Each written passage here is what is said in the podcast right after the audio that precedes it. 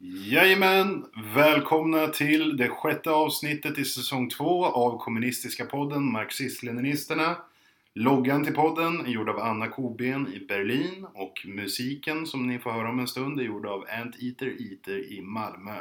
Jag heter Vilke Och jag heter Arvid. och vad ska vi prata om idag Arvid? Ja, idag så ska vi prata om eh, marxistisk filosofi kan man väl säga. Vi ska snacka om eh, materialism, hi- histor historiematerialism, vi ska snacka om dialektik eh, och så vidare. Mm. Eh, Stora ord. sto stora ord, men eh, vi ska försöka ta ner dem på jorden och eh, göra det hela eh, ganska enkelt. Vi håller ju just nu på och kör en grundcirkel, vi två som vi leder. Eh, och där vi eh, nyligen har gått igenom just det här. Eh, och eh, ska man säga, det är ett ämne som man kan grotta ner sig riktigt i, men vi ska försöka dra grunddragen liksom, Mm. och göra, göra det enkelt och lättförståeligt. Precis. Så tanken är väl att det här blir en liten följetong nu med någon slags kommunistisk grundkurs för er eh, lyssnare som ni kan sprida ute i landet.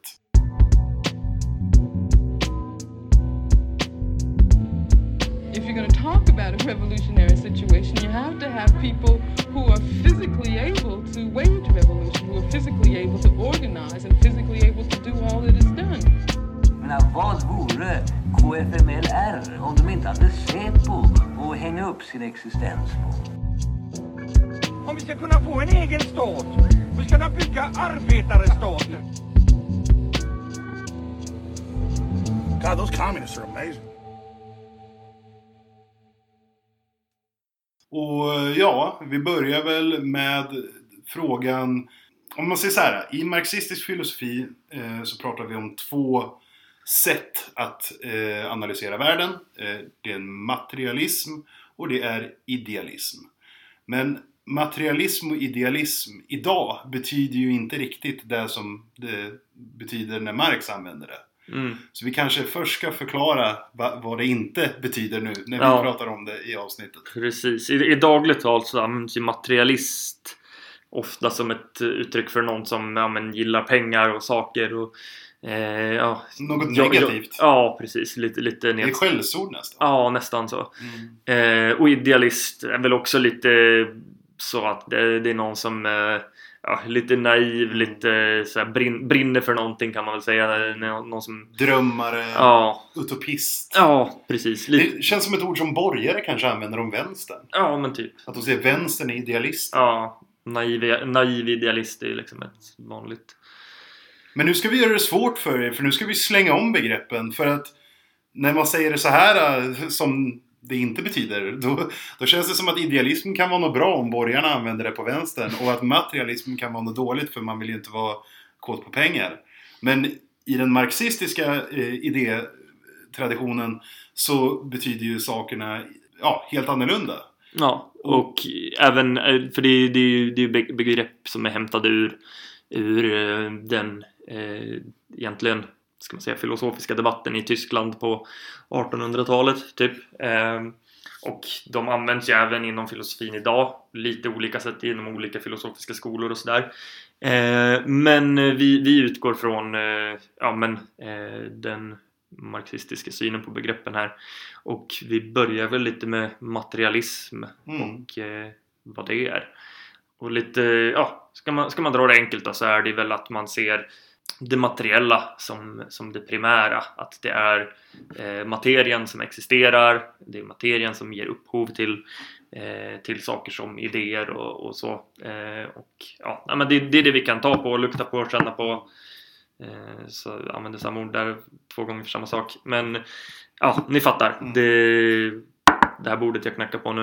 Eh, En förnekelse av det andliga lite grann och en förnekelse av det som inte går att ta på. Ja, precis. Idealismen kan man väl säga försöker förklara världen utifrån, ja, men utifrån idéer egentligen eller utifrån an- andliga förklaringssätt och så. Eh, re- religiösa världsåskådningar kan man ju betrakta som idealistiska. personligheten är viktig i idealismen. Då är det personligheten som att, att personer genom historien spelar en avgörande roll. Liksom. Mm.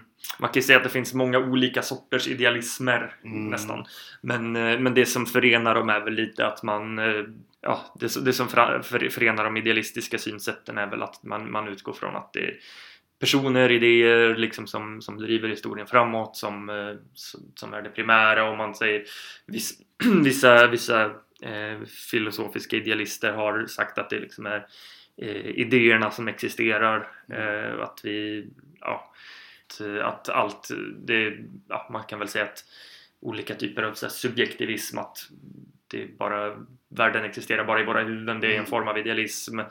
Eh, tron på att världen bara är en massa, ja, bara är ande, Mm. liksom, eller andlig substans är väl en typ av idealism kan man säga. Mm. Eh, och så. Många, många historiska idealismer. Men, Mm. Och jag tänkte ta på mig först den idealistiska hatten och sen den materialistiska hatten.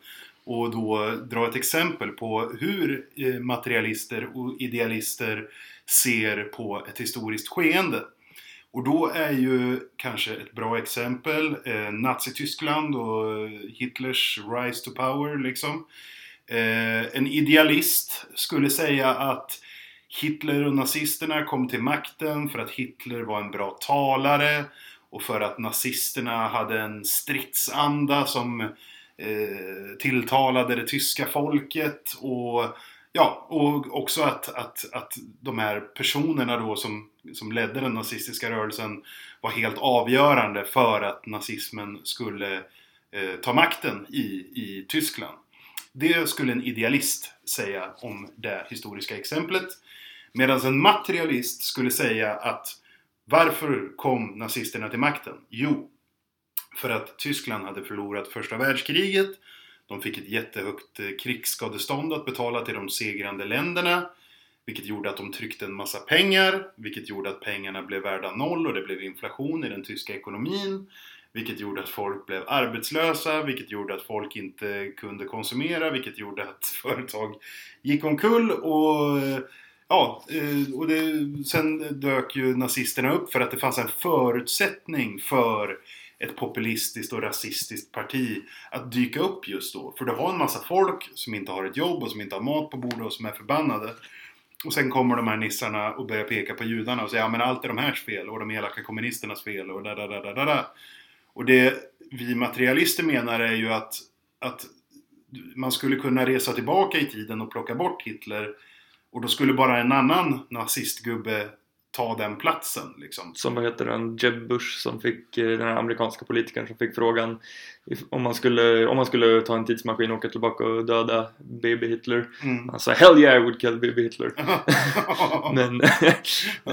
eh, ja. Så han trodde det- han skulle stoppa nazismen? Ja, precis. Ja. Lite idealistiskt. Okej, man bra fråga att ställa ändå till, Ja. till en eh, sån där höjdare. Nej, men jag menar ju liksom att så här, om eh, Ian Wachtmeister, den här greven, och Bert Karlsson, de som hade det här högerpopulistpartiet Ny Demokrati på 90-talet.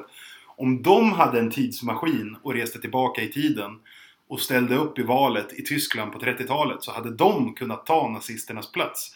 För att den materiella förutsättningen fanns för vilka populister som helst egentligen att bli stora under den tiden. Så förutsättningarna för en socialistisk revolution fanns på 30-talet. Men eftersom kommunistpartiet var, var i princip sönderslaget av, eh, av eh, nazisterna och av eh, socialdemokraterna och nationalisterna så, så, så, så kunde nazisterna växa sig stora liksom. På ett Mm. sätt de inte hade kunnat göra annars. Om det hade funnits eh, en, eh, ja, en, en konkurrens från, Mm. från vänster. Ja, där, där kan man ju lägga till det och vi kommer väl komma in lite mer på det senare, senare men den marxistiska materialismen är ju inte på något sätt någon sån här vulgär materialism eller eh, eller någon deterministisk eh, filosofi som säger att eh, Vad betyder för, deterministiskt? för, vad heter det, på förhand eh, bestämd eller för- förutbestämd Mm. Att, alltså att historien är bara en serie av oundvikliga ja, Händelser. En, händelser, precis. En eh, bara dominoeffekt som måste gå precis Mm. det här, på det här sättet. Liksom. Mm. Det är in, inte, inte så den ser på det utan det, den ser ju det som man brukar kalla som det, det medvetna elementet, kommunistpartiet också som att det har en viktig roll och ja, men generellt klassmedvetandet är viktigt. Liksom. Så Eh, och vi kommer lite till det med ehm, eh, senare, eh, tänker jag. Men att, eh, att ja, eh, bara, bara för att vi säger att vi materialister och förkastar idealismen så menar vi inte att idéer är helt och hållet oviktiga. Nej, nej, nej. Ehm, men eh, ja, vi, kom, vi kommer dit i alla fall. Om, om, om jag ska bara dra ett till exempel bara kort. Eh, eh, Trump vann presidentvalet 2016. Eh, han är en gaphals. Han är en eh, person som trots att han är en miljardär och superkapitalist så målar han ju ut sig som någon slags anti-etablissemangsmänniska. Och skulle vi ta den här tidsmaskinen och åka och plocka bort Trump i, från valet 2016 så hade ju ändå förutsättningarna för en likadan gaphals funnits liksom, att ta den platsen. Och det är väl det som är, som, som är materialismen, skillnad mot idealismen om man ska använda det på det här sättet. Att en idealist säger ju att Trump, det är bara Trump som kan bli presidenten av det slaget liksom. För att han är han och han sitter på det han sitter på. Mm. Om det är begripligt, jag vet inte. Ja. Men eh, varför är vi då materialister, vi som är kommunister? Nu har vi shit-talkat idealismen så mycket så folk ka- kanske, kanske fattar lite ändå. Men Mar- Marx menade att det, det viktiga för att förstå historien och historiska skeenden det är eh, egentligen eh, hur människor producerar det som man behöver för att leva. Ehm, och eh, menade egentligen att förutsättningen för att historia överhuvudtaget ska kunna skapas är att eh, ehm, ja, människorna börjar, börjar eh, göra sig bofasta och produ, producera eh, saker på större skala och har en arbetsdelning och ja, uppkomsten egentligen av ett klassamhälle då. Eh, och vi kommer väl lite mer till det här också sen. Men eh, i alla fall han menade att det som man behöver eller det, det, viktiga för att förstå eh, grunden för varje samhälles existens är hur de producerar de materiella nyttigheterna. Eh, och hur, hur arbetsdelningen ser ut och Mm. sådär. Men eh, då hoppar vi på dialektiken då, eller? Dialektiken kommer från... Eh, alltså ordet dialektik, det betyder att samtala. Och kommer från grekiskan, tror jag. Mm. Eh, och det man kan säga är ju att dialektiken handlar om att motsatsernas kamp mot varandra för utvecklingen framåt. Mm. Och att ingenting är konstant utan allt förändras. Och ingenting varar för evigt. Typ. Den, den marxistiska dialektiken utgår kan man säga från tre principer eller lagar inom citationstecken. Eh, och den första av dem som eh, den kallade Marx och Engels och de, eh, deras efterföljare för motsatsernas enhet och kamp. Eh, och där tycker jag att ett eh, bra liksom, och klargörande exempel det är egentligen ehm, eh, vad ska man säga, klassamhället eller om vi ska ta kapitalismen och de två eh, klasser som det eh, om vi tar kapitalismen, alltså de två klasser som det utgörs av. Eh, om vi tar arbetarklass och borgarklass och vi har gått igenom det här lite tidigare avsnitt, eh, första avsnittet till och med. Eh, men de står som i motsättning till varandra. De har helt olika intressen. Kapitalisterna vill tjäna mer pengar på arbetarens arbete. Arbetaren vill ja, ha så stor del av arbetsprodukten som möjligt. Eh, och eh, ja, där, där i är kampen. Men samtidigt så finns det också en enhet mellan de här två eh, motsatta polerna kan man säga. Eh, att den ena kan inte existera utan den andra. Eh, arbetar eh, klassen är arbetarklass just eftersom den måste sälja sin arbetskraft till en kapitalist. Och en kapitalist skulle inte kunna vara en kapitalist om man inte kunde förmera sitt kapital genom att utsuga eh, arbetare i produktionen. Så, så där, där finns enheten mellan dem liksom. Så det är en, eh, liksom, man kan säga att i varje fenomen egentligen så kan man säga att det finns en, en motsats eller två poler som liksom sliter mot varandra. Ehm, Och, och båda kan inte vinna. De är varandras motsatser, de har olika, de, de har olika intressen och, eh, och, och båda kan inte gå vinnande ur striden. Utan striden pågår hela tiden mellan motsatserna tills en av dem vinner. mm, Och sen kan nya vi kommer väl in på det här lite senare också, men hur samhällena byter av varandra. Men det finns alltid en vinnare och en förlorare. Mm. Liksom. Och där kommer vi lite över i, i eh, princip nummer två, negationens negation. Eh, som, eh, ja, eh, en, en eh, förklaring av dialektiken som jag vet att eh, många använder sig av men samtidigt som många tycker är en grov förenkling och alldeles fel. Eh, det är den här tes antites syntes modellen. Att det, man har en grej så kommer en grej som är motsatt till den och sen deras, deras kamp ger upphov till en tredje grej som är typ lite av en blandning eller ett nästa stadie av de här två. Det, det, jag vet att det är många som eh, har problem med den förklaringen. Eh, många marxister som tycker det är fel sätt att beskriva det på. Men det, man kan väl använda det lite som ett exempel för att dra negationens negation. Att det, de, här eh, eh, motstridiga parterna som finns i ett fenomen Fenomenet negerar sig själv, liksom slår över i sin motsats Mm. eh, genom den här kampen eh, och blir till något nytt. Ehm, eh, Engels till exempel använde eh, ett exempel med ett frö. Och det, det, det, där ska jag också lägga in en liten brasklapp att det finns lite olika synsätt på hur, hur man ska använda sig av, av den dialektiska och historiematerialistiska metoden. Liksom. Det är vissa som menar att dialektiken inte går att applicera på typ naturen och sådär. Att det bara är en, en analysmetod eller ett perspektiv. Medan andra menar att det är liksom eh, ett, ett sätt att förklara eh, Allt. allt egentligen. Liksom, eh, ja, men en, en eh, grundläggande filosofisk åskådning, ett grundläggande filosofiskt åskådningssätt på hur, hur eh, utveckling och så sker i, i, i samhällen och i naturen och så.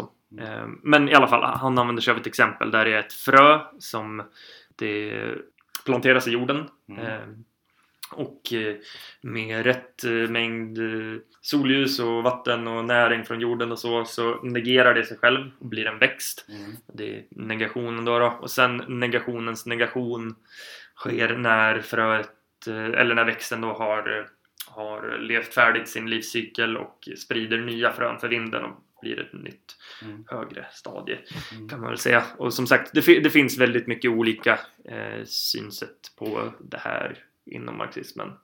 Jag tillhör nog det lägret som, som ser marxismen som en vetenskap. Och, alltså, som, att det, att det finns det här citatet som jag har sett på några memes och sådär I can't help that reality is marxist. Liksom, så här, Ja, det är väl någon parafras av eh, tror jag. ja, just det. Just det. Ja, det kanske. Han som sa något i stil med det. Ja, nej men eh, jag tycker det är intressant och det är ju samma sak alltså. eh, Det är ju ingenting som är konstant. Så här, eh, ja men som, som en blomma till exempel. Så, eller fröet som du hade. Mm. Eller liksom så här att ingenting varar ju för evigt. Ett berg slites ner när vågorna slår mot berget liksom så här.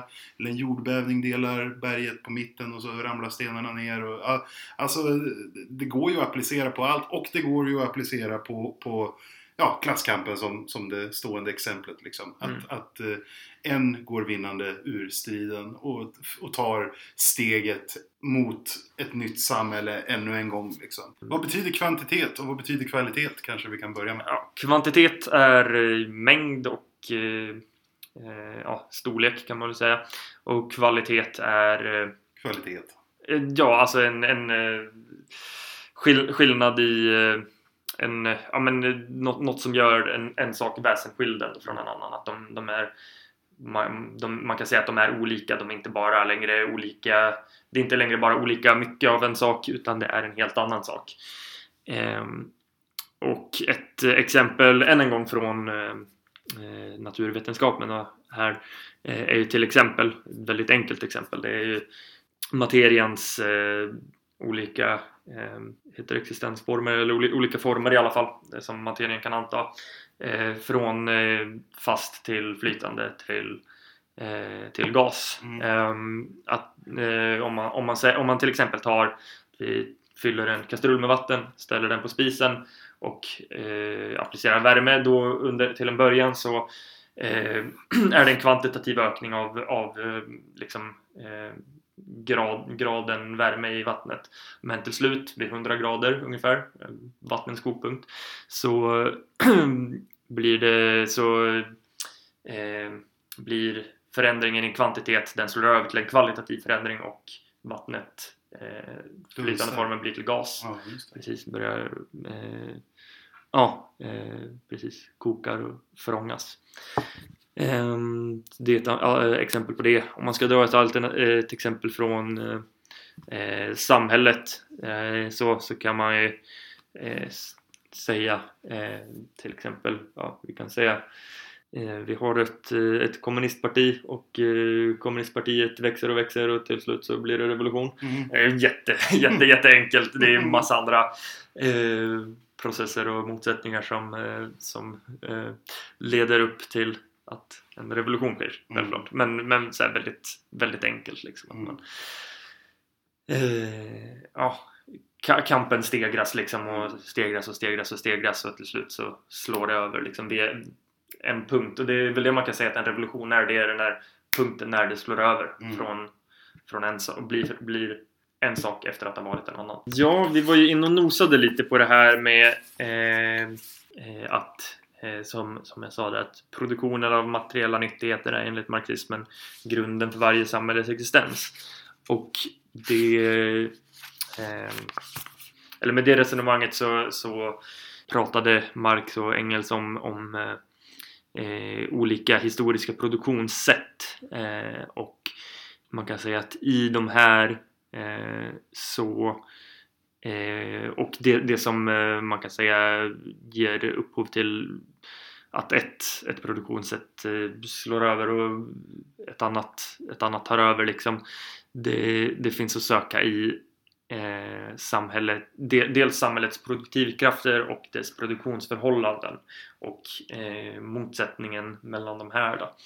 Ehm, och om man ska förklara de begreppen då, så är produktivkrafter det är eh, man kan säga att ja, väldigt enkelt så kan man säga att det är typ den teknologiska nivån som samhället Hur, hur man producerar. Ja, precis. Hur, hur, hur man producerar sett liksom till vad, vad det finns för eh, verktyg och maskiner. Mm. Om man har uppfunnit maskiner vid den tiden. Liksom, och, Har du liksom en oxe som drar en plog eller har du en skördetröska som är motordriven? Liksom? ja, precis. Ehm, Båda behöver arbetare för att fungera. Ja, eh, men, och där ingår också liksom saker som eh, utbildningsnivå liksom och ja, sådana saker. Och produktionsförhållandena det är hur, eh, eh, ja, kan man säga, eh, i, I slavsamhället så kan man så, så, så ser vi liksom hur det är eh, ja, slavar och slavägare Mm. som, som är de eh, två, två huvudklasserna kan man Mm. säga. De, de, de som äger slavarna och slavarna som arbetar för de som äger dem. Mm. Eh, då, och sen under, under feodalismen så har du eh, livegna bönder som eh, eh, visserligen har sin egen lilla bit mark och så men de är, är bundna till den liksom eh, ändå. mm, Man kan väl säga att de på ett sätt var mer fria än, eh, än slaven liksom på det Mm. sättet men de är fortfarande ja, just livegna då. Och Sen- en kamp mot feodalherrarna. Liksom. Ja, precis, precis. Och under kapitalismen eh, där vi är idag så har vi eh, andra produktionsförhållanden. Där har vi arbetare som eh, eh, på pappret då är fria Mm. att eh, sälja sin arbetskraft till, eh, Vem till, de till vill. vem de vill. Precis. Och kapitalister som, som köper arbetskraften till ett pris, en lön på marknaden. På... Ja, men vi, vi, om vi säger eh, under, under kapitalismen liksom, så eh, kan man säga att den här motsättningen då, mellan produktivkraften och produktionsförhållandena den, eh, Engels beskrev det som att eh, produktionen har blivit församhälleligad under kapitalismen. Att vi har byggt en så stor produktionsapparat med stora fabriker där arbetarna möts och man är, man är beroende av andras arbete på ett helt annat sätt än vad man, vad man var under, under medeltiden, under- det feduala eh, produktionssättet. Ur produktionssätt kan man säga, man kan säga att det definieras av eh, produ- produ- dels produktivkrafterna, dels produktionsförhållandena. Eh, men där, där eh, var, var produktionen en- inte eh, församhälleligad på samma sätt. Eh, vi hade inte samma eh, Alltså du, du kunde leva på din gård och liksom leva Mm. på det du själv producerade eh, hela livet liksom. Du var inte beroende av andras arbete på samma sätt. Idag är vi beroende på att, av att eh, folk går till bageriet och bakar bröd, Mm. av att eh, folk eh, syr eh, strumpor. Att vi importerar Mm. grejer från Ja. hela världen. Det, det, det, Precis, det, det, ja. exakt. Så produktionen och produktivkrafterna kan man säga är, är liksom samhälleliga i allt väsentligt. Men produktionsförhållandena är fortfarande det här att, eh, med att vi har det privata tillägnandet Mm. och då i och med eh, köpandet och säljandet av arbetskraft och utsugningen som vi har förklarat i Mm. tidigare avsnitt. Eh, så eh, och som vi kommer gå in på ännu mer i nästa avsnitt då. Men i, i och med det så, så är det fortfarande kvar det här eh, eller så här eh, produktionen är församhälleligad och tillägnandet är privat. Mm. Där har vi motsättningen.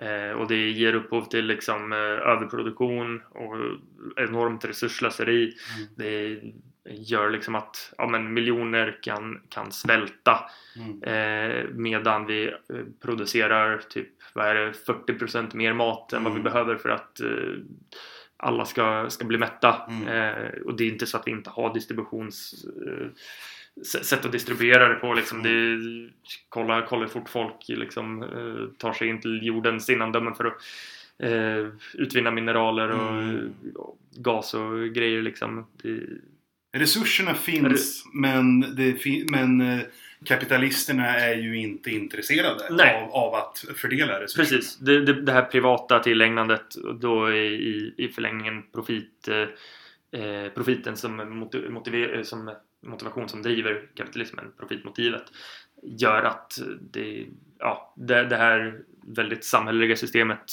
eh, det ja, kan, kan inte fortsätta så här egentligen utan måste församhälleliga även, även ägandet och tillägnandet. Mm. Eh, och det är ju det som är socialismens uppgift. Att Mm. eh, eh, få, få den eh, samhälleliga eh, produktionen i samklang med, med produktionsförhållanden. Göra dem också samhälleliga. Och- Människovärde istället för marknadsvärde för att parafrasera en gammal affisch av kommunistiska partiet. Mm. Men då är vi på samhällets utveckling. Eller vi har ju Ja, vi har ju dragit det lite. Men, Det skulle eh, vara intressant bara att prata lite om det här med urkommunism och sånt där. Mm. Att, eh, för innan, innan eh, det privata ägandet uppstod så, eh, så, så brukar ju vi kommunister prata om, om urtidssamhället som urkommunismen. Och det, det kallar vi för urkommunism för att dels fanns det inget privat ägande. Dels så värderades allt arbete lika. Alltså att eh, om vi säger de som fixade bär och de som jagade någon jävla urtidsmonster för att kött. Deras, deras arbete värderades lika. Eh, och man delade på det som ens lilla stam eller klan eller vad man ska kalla det drog hem liksom. Mm. Eh, och, och alltså så börjar människans historia i ett urkommunistiskt samhälle även om de människor eller urtidsmänniskor som levde då inte kallade det för kommunism liksom Mm. och sjöng internationalen innan de gick och la sig liksom. Men, Mm. men, men att samhället börjar i ett kollektivt eh, ur, urti- urtidskommunism liksom mm, när man, när man pratar med, med, med borgare idag så säger de ju ofta så kommunistiska länder och sådana grejer. Och det har säkert lyssnarna koll på men jag, jag drar det ändå. Liksom, att kommunismen är ju statslös och den är eh, klasslös liksom. Och, och, och, och jämlik. Eh, och det var så samhället började. Och ett exempel ifrån historien då som jag kommer ihåg från någon historielektion i gymnasiet. Det var när eh, den stora idioten eh, Kristoffer Columbus som har ett alldeles för gott rykte eh, idag än vad han borde ha eftersom han slaktade typ 3 miljoner indianer eh, eller ursprungsinvånare. Men när han kom till det som idag är USA, alltså Nordamerika så klev han i land i stranden eh, möttes av eh, de här eh, indianstammarna eh, och satte ner spanska flaggan i marken. Och så sa han till dem, det här är nu Spaniens. De hade inte något koncept än om att man kunde äga mark, så de var ju alltså kvar i någon slags urtidskommunism eller åtminstone urtidssocialism. Liksom. Så när Kristoffer Columbus försökte förklara för dem att det här är spansk mark nu så kunde de inte förstå det för att de hade inte uppfunnit konceptet med att äga mark. Eh, och det är ju ganska intressant att, att alla civilisationer verkar komma då från, från någon slags urkommunism liksom. Och sen är vi mer eller mindre fördärvade liksom. Mm. Beroende på hur mycket, hur mycket som det privata ägandet har påverkat oss liksom. Här kommer vi tillbaka till den här dialektiska principen, negationens negation. Att man kan ju säga att klassamhället, och egentligen hela klassamhället med alla de produktionssätt som det har, har genomgått liksom, eh, så, så, så är det en kla- klassamhället kan man säga är en negation av urkommunismen och kommunismen, den framtida kommunismen eh, är eh, negationens negation då. Eh, och alltså det liksom du kommer kan man säga på sätt och vis tillbaka till det ursprungliga men på ett högre stadium. Produk- produktionen är, är utvecklad på ett helt annat sätt så att allas behov kan tillgodoses liksom och vi kommer kunna leva ett ja, eh, mycket, mycket bättre liv än eh, vad, eh, vad man gjorde under urkommunismen och än vad man gör idag. Mm. Eh, Det, så, så kommunismen är negationens negation. Där klassamhället är negationen till urkommunismen. Kan man väl säga. Ska vi hoppa på sista frågan då? Ja, en fråga som eh, vi diskuterade lite på den här cirkeln och så. Eh, som vi nog nosade lite på innan också. Eh, det var det här om determinism. Eh, alltså eh, om eh, nödvändigheten i den historiska utvecklingen. Vi säger gärna att socialismen är nödvändig och det är i den meningen att vi, vi menar att vi måste eh, se till att vi får socialism för att eh, ja, eh, det, motsättningen mellan det eh, privata ägandet och tillägnandet och den samhälleliga produktionen är så pass katastrof, katastrofal eh, i vad det ger upphov till med, med ja, svält och, och död och eh, ja, i bara ett, ett instabilt system helt enkelt. Eh, men, men att socialismen är nödvändig kan man kanske inte förstå på samma sätt som att den skulle vara oundviklig. Mm. Eh, Det är ju ändå två olika grejer. Ja, precis. Det, vi, vi tror inte att eh, historien bara kan gå i en riktning för att motsättningarna ser ut på ett visst sätt utan eh, det kan komma in Mm. eh, andra... Ja, eller det, det, det, kan, det kan komma in andra, andra processer eller, eller grejer som påverkar... Eller det kan, det kan komma in andra, andra fenomen som påverkar processen i en viss riktning. Eh, och eh, ja, Ro- Rosa Luxemburg myntade ju här socialism eller barbari. Mm. Menade att eh, om vi inte får till socialismen, om, om eh, ja, det medvetna elementet, den, den eh, eh, arbetarklassen eh, och dess parti inte kan, inte lyckas eh, vin, vinna, vin, vinna tillräckligt med folk för socialismen så kommer kapitalismen kollapsa ändå. Mm. Eh, Och då blir det barbari. och då blir det barbari. Och idag är det ännu tydligare än någonsin med klimatkrisen Mm. till exempel. Världen kanske går under om vi inte fixar, eh, fixar socialismen. Om vi inte fixar en produktion som är planerad utifrån behov istället för profit. Mm. För profiten driver oss bokstavligt talat mot undergången just nu. Och jag ser ju barbariet, det kan vara fascism, det kan vara någon annan typ än, än det rådande systemet just nu liksom. Mm. Att, att eh, socialismen är nödvändig eftersom kapitalismen håller på att, eh, att förinta planeten rent miljömässigt. Mm. Vi jobbar under en annan tidspress kan man säga än vad Rosa Luxemburg gjorde när hon föreställde sig socialism eller barbari. Eh, För på den tiden så, så visste man ju inte vart det bar av miljömässigt liksom. Och nu, nu står vi här med, med, med liksom en, en offensiv kapitalism som är beredd att förstöra planeten och ja, de är beredda på jordens undergång i jakten på profit liksom. Och det gör ju socialismen nödvändigare än någonsin. Eftersom socialismen innebär planering. Liksom. Planering av produktion eh, och ja, tillgodosedd eh, konsumtion för att inte eh, producera mer än vad vi behöver. Jag kanske har dragit det här exemplet i miljöavsnittet men ja, ett exempel är ju liksom under, under socialismen som då är vägen till kommunismen så, så kanske vi till exempel tänker, ja men hur många ugnar behövs det i Sverige? Ja, det behövs kanske 50 000 ugnar om året räknar man ut. Och då producerar man 50 000 ugnar för att det inte ska bli ett massa ugnar som står. Mm. Slit och slängkulturen, eh, alltså kapitalisterna. Alltså även om det finns liberaler som kanske lever i någon fantasivärld där de tror att det finns goda kapitalister.